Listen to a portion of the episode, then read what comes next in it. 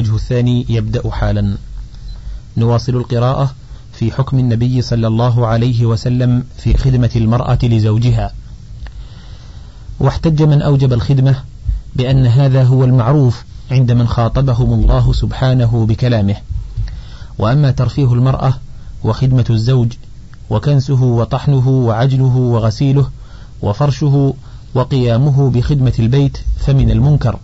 والله تعالى يقول ولهن مثل الذي عليهن بالمعروف.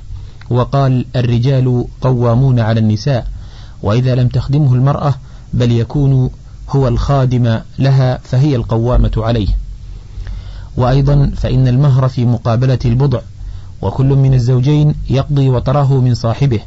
فإنما أوجب الله سبحانه نفقتها وكسوتها ومسكنها في مقابلة استمتاعه بها وخدمتها وما جرت به عادة الأزواج.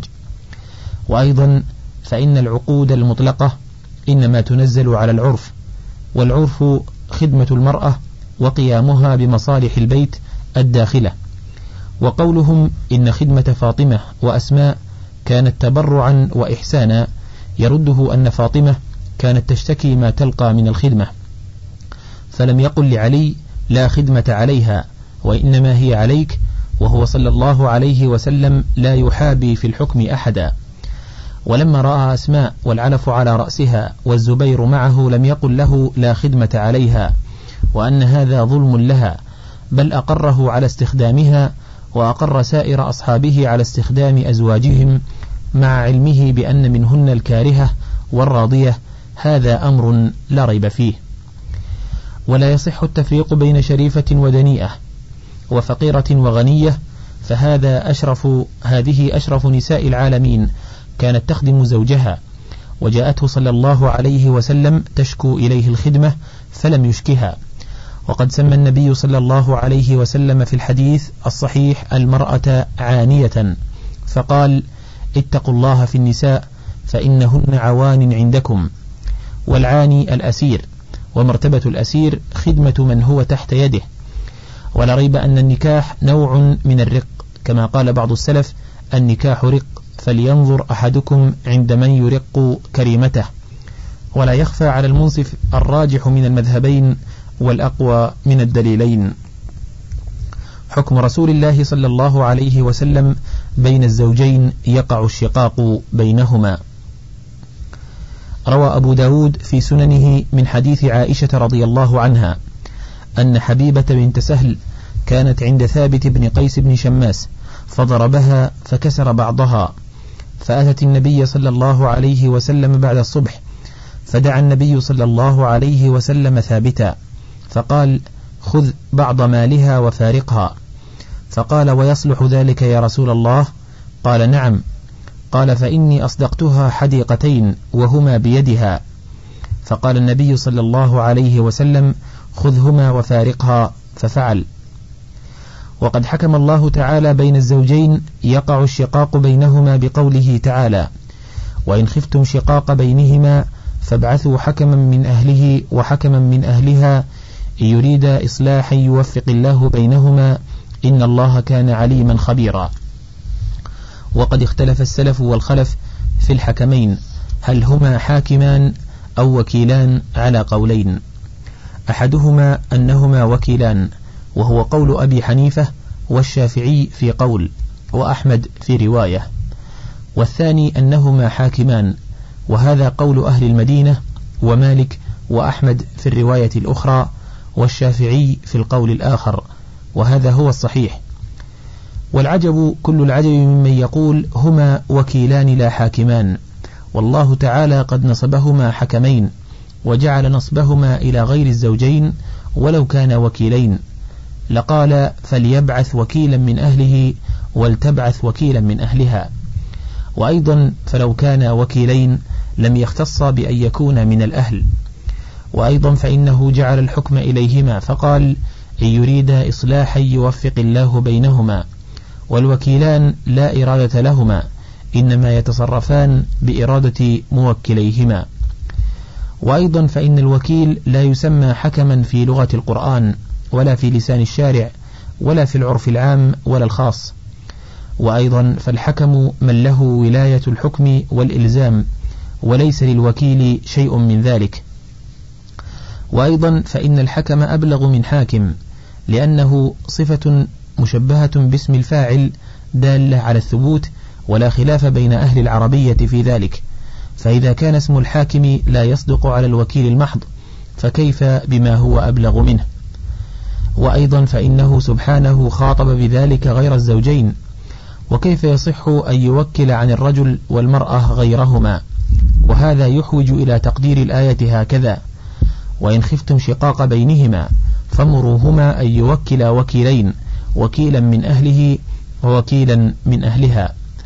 ومعلوم بعد لفظ الآية ومعناها عن هذا التقدير وأنها لا تدل عليه بوجه بل هي دالة على خلافه وهذا بحمد الله واضح. وبعث عثمان بن عفان عبد الله بن عباس ومعاوية حكمين بين عقيل بن أبي طالب وامرأته فاطمة بنت عتبة بن ربيعة فقيل لهما إن رأيتما أن تفرقا فرقتما. وصح عن علي بن أبي طالب أنه قال للحكمين بين الزوجين عليكما إن رأيتما أن تفرقا فرقتما. وإن رأيتما أن تجمعا جمعتما. فهذا عثمان وعلي وابن عباس ومعاوية جعلوا الحكم إلى الحكمين. ولا يعرف لهم من الصحابة مخالف وإنما يعرف الخلاف بين التابعين فمن بعدهم والله أعلم. وإذا قلنا إنهما وكيلان فهل يجبر الزوجان على توكيل الزوج في الفرقة بعوض وغيره وتوكيل الزوجة في بذل العوض أو لا يجبران؟ على روايتين فإن قلنا يجبران فلم يوكلا. جعل الحاكم ذلك إلى الحكمين بغير رضا الزوجين وإن قلنا إنهما حكمان لم يحتج إلى رضا الزوجين. وعلى هذا النزاع ينبني ما لو غاب الزوجان أو أحدهما فإن قيل إنهما وكيلان لم ينقطع نظر الحكمين وإن قيل حكمان انقطع نظرهما لعدم الحكم حكم على الغائب. وقيل يبقى نظرهما على القولين لأنهما يتطرفان لحظهما فهما كالناظرين وإن جن الزوجان انقطع نظر الحكمين. إن قيل إنهما وكيلان لأنهما فرع الموكلين ولم ينقطع إن قيل إنهما حكمان لأن الحاكم يلي على المجنون.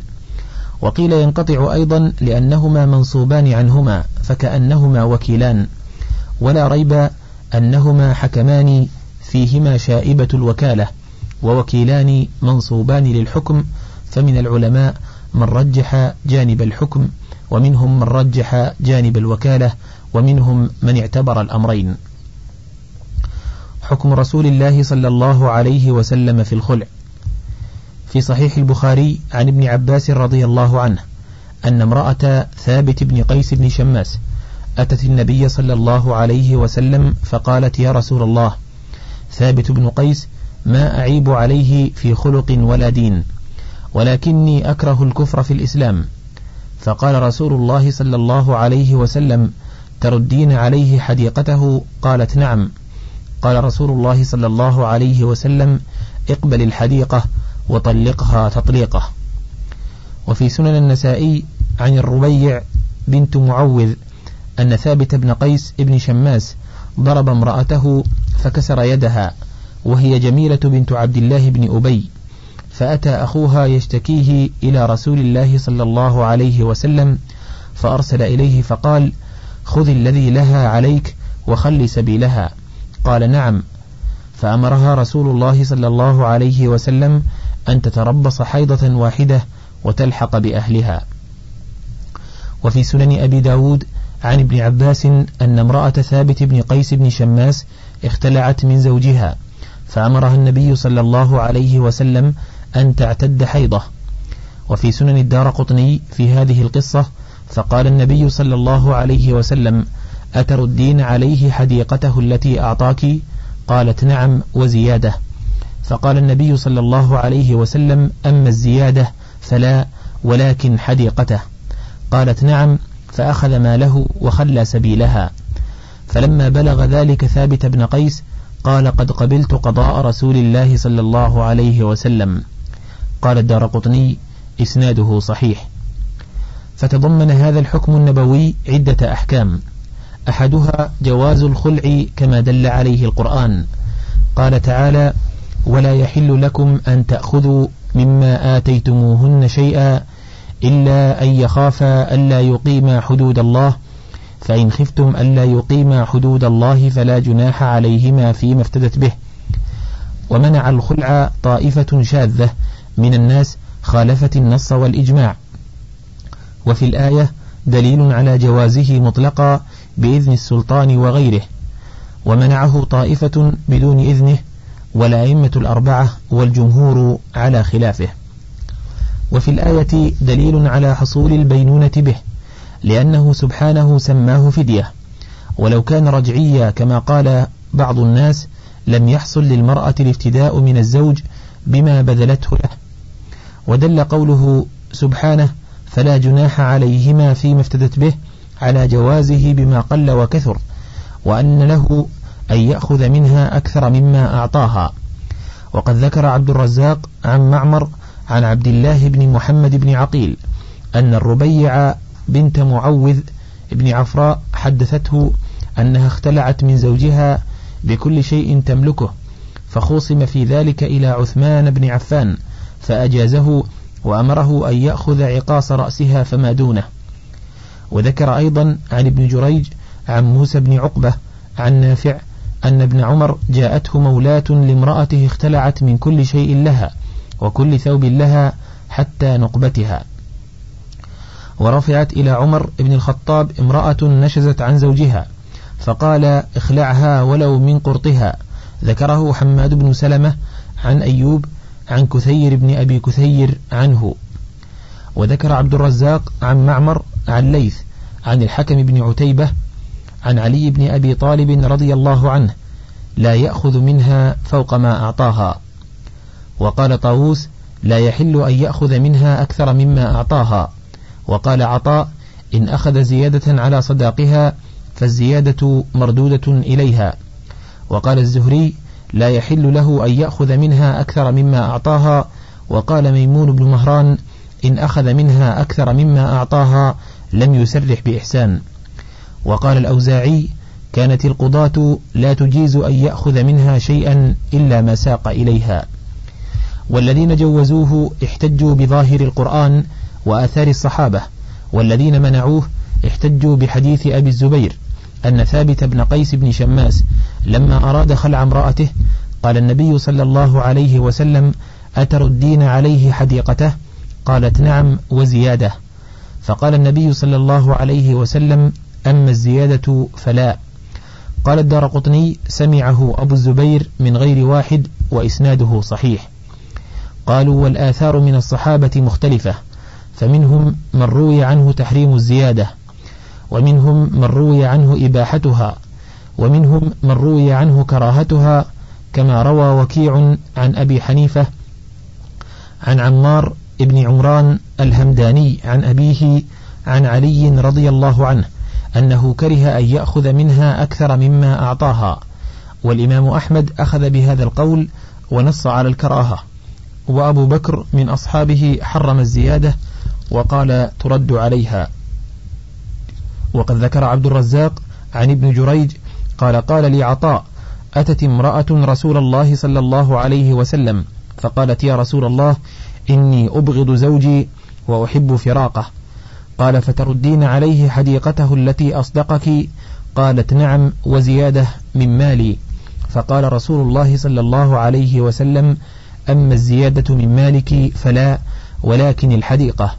قالت نعم فقضى بذلك على الزوج وهذا وإن كان مرسلا فحديث أبي الزبير مقول له وقد رواه ابن جريج عنهما.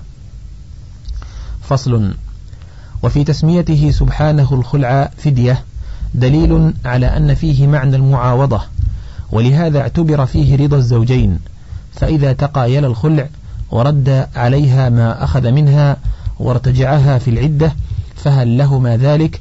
منعه الأئمة الأربعة وغيرهم وقالوا قد بانت منه بنفس الخلع. وذكر عبد الرزاق عن معمر عن قتادة عن سعيد بن المسيب أنه قال في المختلعة إن شاء أن يراجعها فليرد عليها ما أخذ منها في العدة وليشهد على رجعتها قال معمر وكان الزهري يقول مثل ذلك قال قتادة وكان الحسن يقول لا يراجعها إلا بخطبة. ولقول سعيد بن المسيب والزهري وجه دقيق من الفقه لطيف المأخذ تتلقاه قواعد الفقه وأصوله بالقبول ولا نكارة فيه غير أن العمل على خلافه فإن المرأة ما دامت في العدة فهي في حبسه ويلحقها صريح طلاقه المنجز عند طائفة من العلماء. فإذا تقايلا عقد الخلع وتراجعا إلى ما كان عليه بتراضيهما لم تمنع قواعد الشرع ذلك وهذا بخلاف ما بعد العدة فإنها قد صارت منه أجنبية محضة فهو خاطب من الخطاب ويدل على هذا أن له أن يتزوجها في عدتها منه بخلاف غيره. فصل. وفي أمره صلى الله عليه وسلم المختلعة أن تعتد بحيضة واحدة دليل على حكمين. أحدهما أنه لا يجب عليه عليها ثلاث حيض بل تكفيها حيضة واحدة. وهذا كما أنه صريح السنة فهو مذهب أمير المؤمنين عثمان بن عفان وعبد الله بن عمر بن الخطاب والربيع بنت معوذ وعمها وهو من كبار الصحابة. لا يعرف لهم مخالف منهم كما رواه الليث بن سعد. عن نافع مولى بن عمر أنه سمع الربيع بنت معوذ بن عفراء وهي تخبر عبد الله بن عمر رضي الله عنه أنها اختلعت من زوجها على عهد عثمان بن عفان فجاء عمها إلى عثمان بن عفان فقال له إن ابنة معوذ اختلعت من زوجها اليوم أفتنتقل؟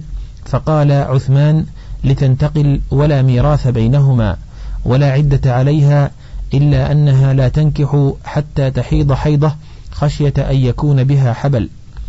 فقال عبد الله بن عمر فعثمان خيرنا وأعلمنا. وذهب إلى هذا المذهب إسحاق بن راهويه والإمام أحمد في رواية عنه اختارها شيخ الإسلام ابن تيمية. قال من نصر هذا القول هو مقتضى قواعد الشريعة فإن العدة إنما جعلت ثلاث حيض ليطول زمن الرجعة فيتروى الزوج ويتمكن من الرجعة في مدة العدة. فإذا لم تكن عليها رجعة فالمقصود مجرد براءة رحمها من الحمل وذلك يكفي فيه حيضة كالاستبراء. قالوا ولا ينتقض هذا علينا بالمطلقة ثلاثا فإن باب الطلاق جعل حكم العدة عدة فيه واحدا بائنة ورجعية. قالوا وهذا دليل على أن الخلع فسخ وليس بطلاق وهو مذهب ابن عباس وعثمان وابن عمر والربيع وعمها ولا يصح عن صحابي أنه طلاق البتة فروى الإمام أحمد عن يحيى بن سعيد عن سفيان عن عمرو عن طاووس عن ابن عباس رضي الله عنهم أنه قال الخلع تفريق وليس بطلاق وذكر عبد الرزاق عن سفيان عن عمرو عن طاووس أن إبراهيم بن سعد بن أبي وقاص سأله عن رجل طلق امرأته تطليقتين ثم اختلعت منه أينكحها؟ قال ابن عباس نعم ذكر الله الطلاق في أول الآية وآخرها والخلع بين ذلك. فإن قيل كيف تقولون إنه لا مخالف لمن ذكرتم من الصحابة؟ وقد روى حماد بن سلمة عن هشام بن عروة عن أبيه عن جمهان.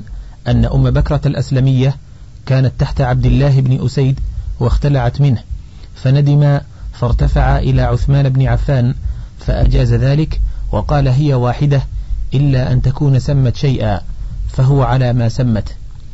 وذكر ابن أبي شيبة حدثنا علي بن هاشم عن ابن أبي ليلى عن طلحة بن مصرف عن إبراهيم النخعي عن علقمة عن ابن مسعود قال لا تكون تطليقة بائنة إلا في فدية أو إيلاء. وروي عن علي بن أبي طالب فهؤلاء ثلاثة من أجلاء الصحابة رضي الله عنهم. قيل لا يصح هذا عن واحد منهم. أما أثر عثمان رضي الله عنه فطعن فيه الإمام أحمد والبيهقي وغيرهما. قال شيخنا وكيف يصح عن عثمان وهو لا يرى فيه عدة وإنما يرى الاستبراء فيه بحيضة فلو كان عنده طلاقا لأوجب فيه العدة. وجمهان الراوي لهذه القصة عن عثمان لا نعرفه بأكثر من أنه مولى الأسلميين. وأما أثر علي بن أبي طالب فقال أبو محمد ابن حزم رويناه من طريق لا يصح عن علي رضي الله عنه وأمثلها أثر ابن مسعود على سوء حفظ ابن أبي ليلى ثم غايته إن كان محفوظا أن يدل على أن الطلقة في الخلع تقع بائنة لا أن الخلع يكون طلاقا بائنا. وبين الأمرين فرق ظاهر والذي يدل على أنه ليس بطلاق أن الله سبحانه وتعالى رتب على الطلاق بعد الدخول الذي لم يستوفي عدده ثلاثة أحكام كلها منتفية عن الخلع. أحدها أن الزوج أحق بالرجعة فيه. الثاني أنه محسوب من الثلاث فلا تحل بعد استيفاء العدد إلا بعد زوج وإصابة. الثالث أن العدة فيه ثلاثة قروء.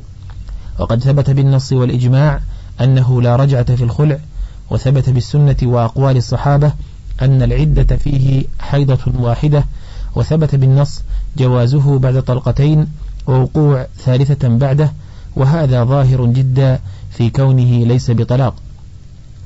فإنه سبحانه قال الطلاق مرتان فإمساك بمعروف أو تسريح بإحسان ولا يحل لكم أن تأخذوا مما آتيتموهن شيئا إلا أن يخافا ألا يقيما حدود الله. فإن خفتم ألا يقيما حدود الله فلا جناح عليهما فيما افتدت به. وهذا وإن لم يختص بالمطلقة تطليقتين فإنه يتناولها وغيرها ولا يجوز أن يعود الضمير إلى من لم يذكر ويخلى منه المذكور بل إما أن يختص بالسابق أو يتناوله وغيره. ثم قال فإن طلقها فلا تحل له من بعد. وهذا يتناول من طلقت بعد فدية وطلقتين قطعا لأنها هي المذكورة. فلا بد من دخولها تحت اللفظ. وهكذا فهم ترجمان القرآن الذي دعا له رسول الله صلى الله عليه وسلم أن يعلمه الله تأويل القرآن وهي دعوة مستجابة بلا شك. وإذا كانت أحكام الفدية غير أحكام الطلاق دل على أنها من غير جنسه فهذا مقتضى النص والقياس وأقوال الصحابة. ثم من نظر إلى حقائق العقود ومقاصدها دون ألفاظها يعد الخلع فسخا بأي لفظ كان حتى بلفظ الطلاق. وهذا أحد الوجهين لأصحاب أحمد وهو اختيار شيخنا. قال وهذا ظاهر كلام أحمد. وكلام ابن عباس وأصحابه. قال ابن جريج أخبرني عمرو بن دينار أنه سمع عكرمة مولى ابن عباس يقول ما أجازه المال فليس بطلاق. قال عبد الله بن أحمد رأيت أبي كان يذهب إلى قول ابن عباس. وقال عمرو عن طاووس عن ابن عباس الخلع تفريق وليس بطلاق. وقال ابن جريج عن ابن طاووس كان أبي لا يرى الفداء طلاقا ويخيره. ومن اعتبر الألفاظ ووقف معها واعتبرها في أحكام العقود جعله بلفظ الطلاق طلاقا وقواعد الفقه وأصوله تشهد أن المرعي في العقود حقائقها ومعانيها لا صورها وألفاظها وبالله التوفيق. ومما يدل على هذا أن النبي صلى الله عليه وسلم أمر ثابت بن قيس أن يطلق امرأته في الخلع تطليقه ومع هذا أمرها أن تعتد بحيضة. وهذا صريح في أنه فسخ ولو وقع بلفظ الطلاق. وأيضا فإنه سبحانه علق عليه أحكام الفدية بكونه فدية. ومعلوم أن الفدية لا تختص بلفظ ولم يعين الله سبحانه لها لفظا معينا. وطلاق الفداء طلاق مقيد ولا يدخل تحت أحكام الطلاق المطلق. كما لا يدخل تحتها في ثبوت الرجعة والاعتداد بثلاثة قروء بالسنة الثابتة وبالله التوفيق. ذكر أحكام رسول الله صلى الله عليه وسلم في الطلاق. ذكر حكمه صلى الله عليه وسلم في طلاق الهازل وزائل العقل والمكره والتطليق في نفسه. في السنن من حديث أبي هريرة رضي الله عنه ثلاث جدهن جد وهزلهن جد النكاح والطلاق والرجعة. وفيها عنه من حديث ابن عباس إن الله وضع عن أمتي الخطأ والنسيان وما استكرهوا عليه. وفيها عنه صلى الله عليه وسلم لا طلاق ولا عتاق في إغلاق. وصح عنه أنه قال للمقر بالزنا أبيك جنون؟ وثبت عنه أنه أمر به أن يستنكه. وذكر البخاري في صحيحه عن علي أنه قال لعمر ألم تعلم أن القلم رفع عن ثلاث عن المجنون حتى يفيق وعن الصبي حتى يدرك وعن النائم حتى يستيقظ. وفي الصحيح عنه صلى الله عليه وسلم إن الله تجاوز لأمتي عما حدثت به أنفسها ما لم تكلم أو تعمل به. فتضمنت هذه السنن أن ما لم ينطق به اللسان من طلاق أو عتاق أو يمين أو نذر ونحو ذلك عفو غير لازم بالنية والقصد. وهذا قول الجمهور وفي المسألة قولان آخران. أحدهما التوقف فيها. قال عبد الرزاق عن معمر سئل ابن سيرين عن من طلق في نفسه. فقال أليس قد علم الله ما في نفسك؟ قال بلى. قال فلا أقول فيها شيئا. والثاني وقوعه إذا جزم عليه وهذا رواية أشهب عن مالك وروي عن الزهري وحجة هذا القول قوله صلى الله عليه وسلم إنما الأعمال بالنيات وأن من كفر في نفسه من كفر في نفسه فهو كفر وقوله تعالى وإن تبدوا ما في أنفسكم أو تخفوه يحاسبكم به الله وأن المسر على المعصية فاسق مؤاخذ وإن لم يفعلها. وبأن أعمال القلوب في الثواب والعقاب كأعمال الجوارح ولهذا يثاب على الحب والبغض والموالاة والمعاداة في الله وعلى التوكل والرضا والعزم على الطاعة ويعاقب على الكبر والحسد والعجب والشك والرياء وظن السوء بالأبرياء. ولا حجة في شيء من هذه من هذا على وقوع الطلاق والعتاق بمجرد النية من غير تلفظ. أما حديث الأعمال بالنيات فهو حجة عليهم لأنه أخبر فيه أن العمل مع النية هو المعتبر لا النية وحدها. وأما من اعتقد الكفر بقلبه أو شك فهو كافر لزوال الإيمان الذي هو عقد القلب مع الإقرار. فإذا زال العقد الجازم كان نفس زواله كفرا. فإن الإيمان أمر وجودي ثابت قائم بالقلب. فما لم يقم بالقلب حصل ضده وهو الكفر. وهذا كالعلم والجهل. إذا فقد العلم حصل الجهل وكذلك كل نقيضين زال أحدهما خلفه الآخر. وأما الآية فليس فيها أن المحاسبة بما يخفيه العبد إلزامه بأحكامه بالشرع وإنما إنما فيها محاسبته بما يبديه أو يخفيه. ثم هو مغفور له أو معذب. فأين هذا؟ من وقوع الطلاق بالنية. وأما أن المصر على المعصية فاسق مؤاخذ فهذا إنما هو في من عمل المعصية ثم أصر عليها. فهنا عمل اتصل به العزم على معاودته فهذا هو المصر. وأما من عزم على المعصية ولم يعملها فهو بين أمرين إما أن لا تكتب عليه وإما أن تكتب له حسنة إذا تركها لله عز وجل. وأما الثواب والعقاب على أعمال القلوب فحق والقرآن والسنة مملوءان به ولكن وقوع الطلاق والعتاق بالنية من غير تلفظ أمر خارج عن الثواب والعقاب ولا تلازم بين الأمرين فإن ما يعاقب عليه من أعمال القلوب هو معاص قلبية يستحق العقوبة عليها كما يستحقه على المعاصي البدنية إذ هي منافية لعبودية القلب فإن الكبر والعجب والرياء وظن السوء محرمات على القلب وهي أمور اختيارية يمكن اجتنابها فيستحق العقوبة على فعلها وهي أسماء لمعان مسمياتها قائمة بالقلب. وأما العتاق والطلاق فاسمان لمسميين قائمين باللسان أو ما ناب عنه من إشارة أو كتابة وليس اسمين لما في القلب مجردا عن النطق. وتضمنت أن المكلف إذا هزل بالطلاق أو النكاح أو الرجعة لزمه ما هزل به. فدل ذلك على أن كلام الهازل معتبر وإن لم يعتبر كلام النائم والناسي وزائل العقل والمكره والفرق بينهما أن الهازل قاصد لللفظ غير مريد لحكمه وذلك ليس إليه فإنما إلى المكلف الأسباب وأما ترتب مسبباتها وأحكامها فهو إلى الشارع قصده المكلف أو لم يقصده. والعبرة بقصده السبب اختيارا في حال عقله وتكليفه فإذا قصده رتب الشارع عليه حكمه جد به أو هزل. وهذا بخلاف النائم والمبرسم والمجنون والسكران وزائل العقل فإنهم ليس لهم قصد صحيح وليسوا مكلفين فألفاظهم لغو بمنزلة ألفاظ الطفل الذي لا يعقل معناها ولا يقصده.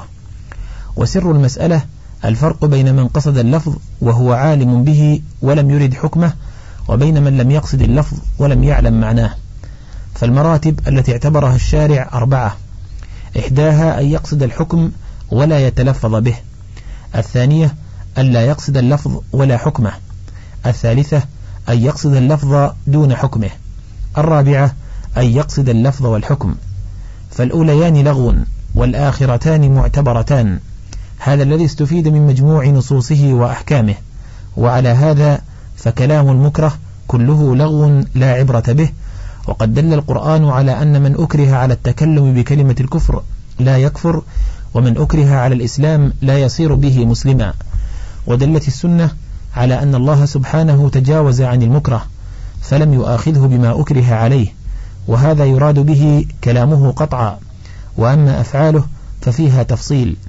فما أبيح منها بالإكراه فهو متجاوز عنه كالأكل في نهار رمضان والعمل في الصلاة ولبس المخيط في الإحرام ونحو ذلك. وما لا يباح بالإكراه فهو مؤاخذ به كقتل المعصوم وإتلاف المال وما اختلف فيه كشرب الخمر والزنا والسرقة هل يحد به أو لا؟ فالاختلاف هل يباح ذلك بالإكراه أو لا؟ فمن لم يبحه حده به ومن أباحه بالإكراه لم يحده وفيه قولان للعلماء وهما روايتان عن الإمام أحمد. والفرق بين الأقوال والأفعال في الإكراه أن الأفعال إذا وقعت لم ترتفع مفسدتها بل مفسدتها معها بخلاف الأقوال فإنها يمكن إلغاؤها. وجعلها بمنزلة أقوال النائم والمجنون فمفسدة الفعل الذي لا يباح بالإكراه ثابتة بخلاف مفسدة القول. فإنما إنها إنما تثبت إذا كان قائله عالما به مختارا له. وقد روى وكيع عن ابن أبي ليلى عن الحكم ابن عتيبة عن خيثمة بن عبد الرحمن. قال قالت امرأة لزوجها سمني فسماها الظبية. فقالت ما قلت شيئا؟ قال فهات ما أسميك به. قالت سمني خلية, خلية طالقا قال أنت خلية طالق. فأتت عمر بن الخطاب فقالت إن زوجي طلقني. فجاء زوجها فقص عليه القصة فأوجع عمر رأسها وقال لزوجها خذ بيدها وأوجع رأسها. فهذا الحكم من أمير المؤمنين بعدم الوقوع ما لم يقصد الزوج اللفظ الذي يقع به الطلاق بل قصد لفظا لا يريد به الطلاق فهو كما لو قال لأمته أو غلامه إنها حرة وأراد أنها ليست بفاجرة. أو قال لامرأته أنت مسرحة أو سرحتك ومراده تسريح الشعر ونحو ذلك فهذا لا يقع عتقه ولا طلاقه بينه وبين الله تعالى وإن قامت قرينة أو تصادق في الحكم لم يقع به. فإن قيل فهذا من أي الأقسام فإنكم جعلتم المراتب أربعة ومعلوم أن هذا ليس بمكره ولا زائل العقل ولا هازل ولا قاصد لحكم اللفظ. قيل هذا متكلم باللفظ مريد به أحد معنييه فلزم حكم ما أراده بلفظه دون ما لم يرده فلا يلزم بما لم يرده باللفظ إذا كان صالحا لما أراده. وقد استحلف النبي صلى الله عليه وسلم ركانة لما طلق امرأته البتة فقال ما أردت؟ قال واحدة. قال آه الله. قال آه الله. قال هو ما أردت. فقبل منه نيته في اللفظ المحتمل. وقد قال مالك إذا قال أنت طالق ألبتة وهو يريد أن يحلف على شيء ثم بدا له فترك اليمين فليست طلاقا لأنه لم يرد أن يطلقها وبهذا أفتى الليث بن سعد والإمام أحمد. حتى إن أحمد في رواية عنه يقبل منه ذلك في الحكم. وهذه المسألة لها ثلاث صور. إحداها أن يرجع عن يمينه ولم يكن التنجيز مراده فهذه لا تطلق عليه في الحال ولا يكون حالفا. الثانية أن يكون مقصوده اليمين لا التنجيز فيقول أنت طالق ومقصوده إن كلمت زيدا. الثالثة أن يكون مقصوده اليمين من أول كلامه ثم يرجع عن اليمين في أثناء الكلام ويجعل الطلاق منجزا. فهذا لا يقع به لأنه لم ينوي به الإيقاع وإنما نوى به التعليق. فكان قاصرا عن وقوع المنجز فإذا نوى التنجيز بعد ذلك لم يكن قد أتى في التنجيز بغير النية المجردة. وهذا قول أصحاب أحمد وقد قال تعالى لا يؤاخذكم الله باللغو في أيمانكم ولكن يؤاخذكم بما كسبت قلوبكم. واللغو نوعان أحدهما أن يحلف على الشيء يظنه كما حلف عليه فيتبين بخلافه. والثاني أن تجري اليمين على لسانه من غير قصد للحلف. كلا والله وبلا والله في أثناء كلامه وكلاهما رفع الله المؤاخذة به لعدم قصد الحالف إلى عقد اليمين وحقيقتها. وهذا تشريع منه سبحانه لعباده ألا يرتب الأحكام على الألفاظ التي لم يقصد المتكلم بها حقائقها ومعانيها وهذا غير الهازل حقيقة وحكما. وقد أفتى الصحابة بعدم وقوع طلاق المكره وإقراره فصح عن عمر أنه قال ليس الرجل بأمين على نفسه إذا أوجعته أو ضربته أو أوثقته وصح عنه أن رجلا تدلى بحبل ليشتار عسلا فأتت امرأته فقالت لأقطعن الحبل أو لتطلقني فناشدها الله فأبت فطلقها فأتى عمر فذكر له ذلك فقال له ارجع إلى امرأة ارجع إلى امرأتك فإن هذا ليس بطلاق. وكان علي لا يجيز طلاق المكره. وقال ثابت الأعرج سألت ابن عمر وابن الزبير عن طلاق المكره فقال جميعا ليس بشيء. فإن قيل فما تصنعون بما رواه الغازي ابن جبلة عن صفوان بن عمران الأصم عن رجل من أصحاب رسول الله صلى الله عليه وسلم أن رجلا جلست امرأته على صدره وجعلت السكين على حلقه وقالت له طلقني أو لأذبحنك. فناشدها فأبت فطلقها ثلاثا فذكر ذلك للنبي صلى الله عليه وسلم فقال لا قيلولة في الطلاق. رواه سعيد بن منصور في سننه. وروى عطاء بن عجلان عن عكرمة عن ابن عباس عن النبي صلى الله عليه وسلم قال كل الطلاق جائز إلا طلاق المعتوه والمغلوب على عقله. وروى سعيد بن منصور حدثنا فرج ابن فضالة حدثني عمرو بن شراحيل المعافري أن امرأة استلت سيفا فوضعته على بطن زوجها وقالت والله لأنفذنك أو لتطلقني فطلقها ثلاثا فرفع ذلك إلى عمر بن الخطاب فأمضى طلاقها وقال علي كل الطلاق جائز إلا طلاق المعتوه قيل أما خبر الغازي ابن جبلة ففيه ثلاث علل إحداها ضعف صفوان ابن عمرو والثانية لين الغازي ابن جبلة والثالثة تدليس بقية الراوي عنه ومثل هذا لا يحتج به. قال أبو محمد ابن حزم وهذا خبر في غاية السقوط. وأما حديث ابن عباس كل الطلاق جائز فهو برواية عطاء بن عجلان وضعفه مشهور وقد رمي, رمي بالكذب قال أبو محمد بن حزم وهذا الخبر شر من الأول. وأما أثر عمر فالصحيح عنه خلافه كما تقدم ولا يعلم معاصرة المعافري لعمر وفرج بن فضالة فيه ضعف. وأما أثر علي فالذي رواه عنه الناس أنه كان لا يجيز طلاق المكره وروى عبد الرحمن بن مهدي عن حماد بن سلمة عن حميد عن الحسن أن علي بن أبي طالب رضي الله عنه كان لا يجيز طلاق المكره فإن صح عنه ما ذكرتم فهو عام مخصوص بهذا. فصل وأما طلاق السكران فقال تعالى يا أيها الذين آمنوا لا تقربوا الصلاة وأنتم سكارى حتى تعلموا ما تقولون. فجعل سبحانه قول السكران غير معتبر. لأنه لا يعلم ما يقول. وصح عنه صلى الله عليه وسلم أنه أمر بالمقر بالزنا أن يستنكه ليعتبر قوله الذي أقر به أو يلغى. وفي صحيح البخاري في قصة حمزة لما عقر بعير علي فجاء النبي صلى الله عليه وسلم فوقف عليه يلومه فصعد فيه النظر وصوبه وهو سكران. ثم قال هل أنتم إلا عبيد لأبي فنكص النبي صلى الله عليه وسلم على عقبيه. وهذا القول لو قاله غير سكران لكان ردة وكفرا ولم يؤاخذ بذلك حمزة.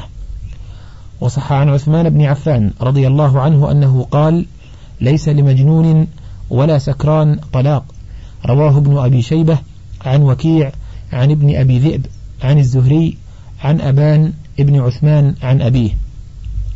وقال عطاء طلاق السكران لا يجوز. وقال ابن طاووس عن أبيه طلاق السكران لا يجوز. وقال القاسم ابن محمد لا يجوز طلاقه. وصح عن عمر بن عبد العزيز أنه أتي بسكران طلق فاستحلفه بالله الذي لا إله إلا هو لقد طلقها وهو لا يعقل. فحلف فرد إليه امرأته وضربه الحد. وهو مذهب يحيى ابن سعيد الأنصاري وحميد ابن عبد الرحمن وربيعة والليث بن سعد وعبد الله بن الحسن وإسحاق ابن راهويه وأبي ثور والشافعي في أحد قوليه واختاره المزني وغيره من الشافعية. ومذهب أحمد في إحدى الروايتين عنه وهي التي استقر عليها مذهبه وصرح برجوعه إليها. فقال في رواية أبي طالب الذي لا يأمر بالطلاق إنما أتى خصلة واحدة والذي يأمر بالطلاق فقد أتى خصلتين حرمها عليه وأحلها لغيره فهذا خير من هذا. وأنا أتقي جميعا. وقال في رواية الميموني قد كنت أقول إن طلاق السكران يجوز حتى تبينته فغلب علي أنه لا يجوز طلاقه لأنه لو أقر لم يلزمه ولو باع لم يجز بيعه. قال وألزمه الجناية وما كان من غير ذلك فلا يلزمه. قال أبو بكر عبد العزيز وبهذا أقول وهذا مذهب أهل الظاهر كلهم واختاره من الحنفية أبو جعفر الطحاوي وأبو الحسن الكرخي والذين أوقعوه لهم سبعة مآخذ. أحدها أنه مكلف ولهذا يؤاخذ بجناياته.